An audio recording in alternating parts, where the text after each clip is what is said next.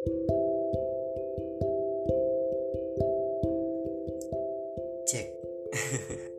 Halo teman-teman semuanya, selamat datang kembali di podcast Dimensi Rindu. Tetapi untuk kali ini mungkin aku tidak akan membahas tentang hal yang sama seperti sebelumnya karena ini merupakan salah satu segmen spesial aku yaitu aku mau membuat tentang apa ya kita ngobrol singkat atau istilahnya berbagi edukasi lah dengan project berjudul bahasa untuk diri.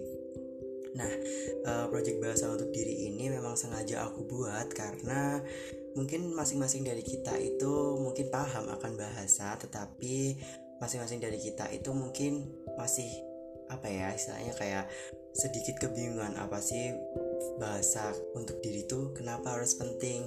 Mungkin kita bakalan bahas tuh yang pertama itu hmm, ini ya bahasa yang baik. Nah nggak perlu lama-lama akan meng mengapa yo ya membahasnya. Tapi kalau semua aku salah mohon dimaafkan ya karena aku niatnya hanya untuk berbagi seperti itu. Nah uh, kita tahu juga bahwasannya manusia itu merupakan makhluk sosial yang di mana manusia membutuhkan sebuah interaksi dengan sesama baik manusia dengan manusia itu sendiri manusia dengan alam dan manusia dengan Tuhan. Itu aku sedikit mengingatkan aku dengan konsep Trihita Karana seperti itu. Dan di mana konsep-konsep literasi itu tersebut uh, harus memenuhi bukan harus memenuhi sebenarnya cuman kayak memenuhi berbagai kehidupan di berbagai kehidupan seperti itu.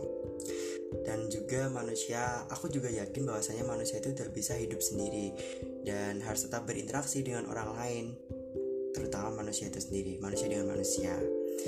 Uh, dalam kehidupan sehari-hari, semestinya manusia itu mengenal tentang istilah kebudayaan atau menciptakan berbagai wujud ide, aktivitas hingga artefak. Uh, kita juga tahu mungkin bahwa kita juga belajar bahwasanya salah satu unsur kebudayaan dari tujuh unsur kebudayaan itu adalah bahasa. Nah, uh, dari aku mungkin teman-teman juga mengerti bahasa komunikasi uh, tentang kita untuk berinteraksi dengan sesama. Tetapi sebenarnya fungsi bahasa secara umum itu apa sih? Seperti itu ya.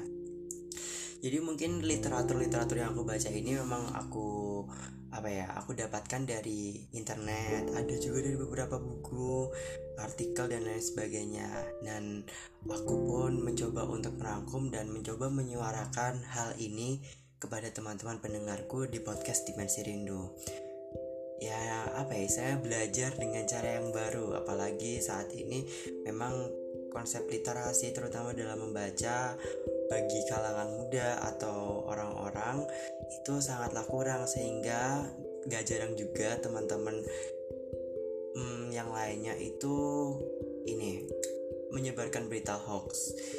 Ya itu nanti aja ya kita bahasnya. Nah kita langsung bahas aja aku, aku ada ini empat fungsi bahasa secara umum. Sebenarnya bahasa itu berfungsi sebenarnya untuk apa sih? Yang pertama ada bahasa sebagai alat ekspresi.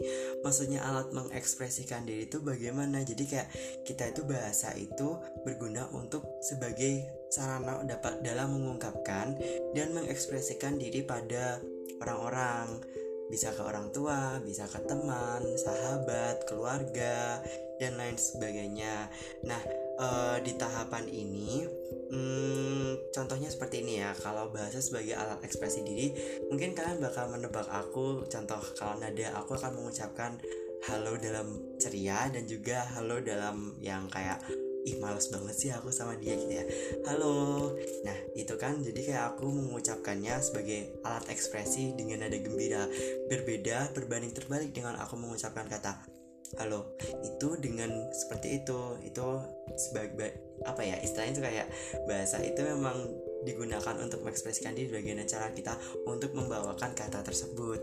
Jadi yang kedua uh, itu dia yang pertama. Yang kedua adalah bahasa sebagai alat komunikasi. Nah bahasa sebagai alat komunikasi mungkin ini udah aku sempat singgung di awal tadi bahwasanya bahasa itu memang perlu banget nih teman-teman untuk apa ya berkomunikasi dengan sesama makhluk hidup bahkan manusia dengan manusia itu sendiri maupun manusia dengan Tuhan dan juga manusia dengan alam seperti itu mungkin yang soal bahasa sebagai alat komunikasi tidak perlu aku bahas lebih lanjut lagi karena konsep ini sangatlah konsep dasar dan mudah kita pahami juga mungkin aku sedikit reminder sebagai pengingat saja yang tadi. Yang ketiga adalah bahasa sebagai alat integrasi atau adaptasi sosial. Nah, bahasa itu sebagai alat integrasi dan adaptasi sosial itu seperti apa? Contohnya seperti ini. Negara Indonesia memiliki lebih lebih banyak masih lebih memiliki banyak sekali bahasa. Contoh ada bahasa Jawa, bahasa Sunda, bahasa Bali, dan bahasa daerah lainnya. Yang di mana uh, hal itu diklasifikasikan kan kalau tidak salah. Nah, bahasa sebagai alat integrasi itu alat nomor satu. Kita gunakan patokan sebagai bahasa Indonesia.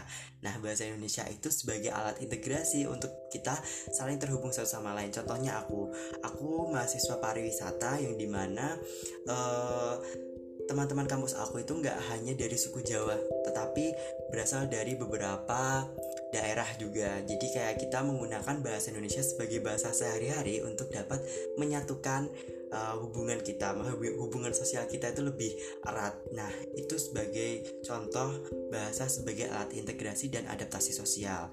Dan yang terakhir adalah bahasa sebagai alat kontrol sosial. Maksudnya bahasa sebagai alat kontrol sosial seperti apa? Nah, sebagai alat kontrol sosial, bahasa bisa sangat efektif. Kontrol sosial itu dapat dimaknai seperti hmm, seperti ini. Menerapkan unsur kebahasaan pada diri individu maupun kelompok. Nah, uh, sebagai kontrol sosial seperti ini sangat keempat elemen dari empat peran itu peran-peran bahasa itu sangat berkaitan satu sama lain yang tidak dapat dipisahkan. Alat kontrol sosial ini itu tidak jauh dengan sebagai alat integrasi maupun komunikasi dan juga tadi yang pertama ada sebagai alat ekspresi diri yang di mana uh, kita dapat mengontrol kondisi sosial melalui kebahasaan itu sendiri. Nah, seperti itu teman-teman. Jadi, itulah empat peran bahasa uh, yang apa ya? Istilahnya secara secara umum aku bahas di podcast Dimensi Rindu ini.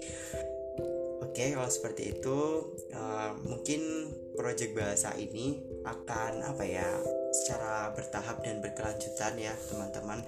Jadi ya aku mau mengucapkan mohon bantuannya juga buat teman-teman. Aku juga tahu banget kalau teman-teman juga mendengarkan podcast Dimensi Rindu dengan apa ya aku udah merangkumnya kayak ada 128 pendengar. Terima kasih banyak buat teman-teman sudah mendengarkan. Mungkin aku bisa membuat segmen spesial lagi mungkin soal curhat dan sebagainya uh, untuk kali ini segmen belajar eh apa tadi aku lupa maaf banget. Bahasa untuk diri udah selesai di menit ke-8 aku mengucapkan terima kasih dan selamat malam semuanya. Bye bye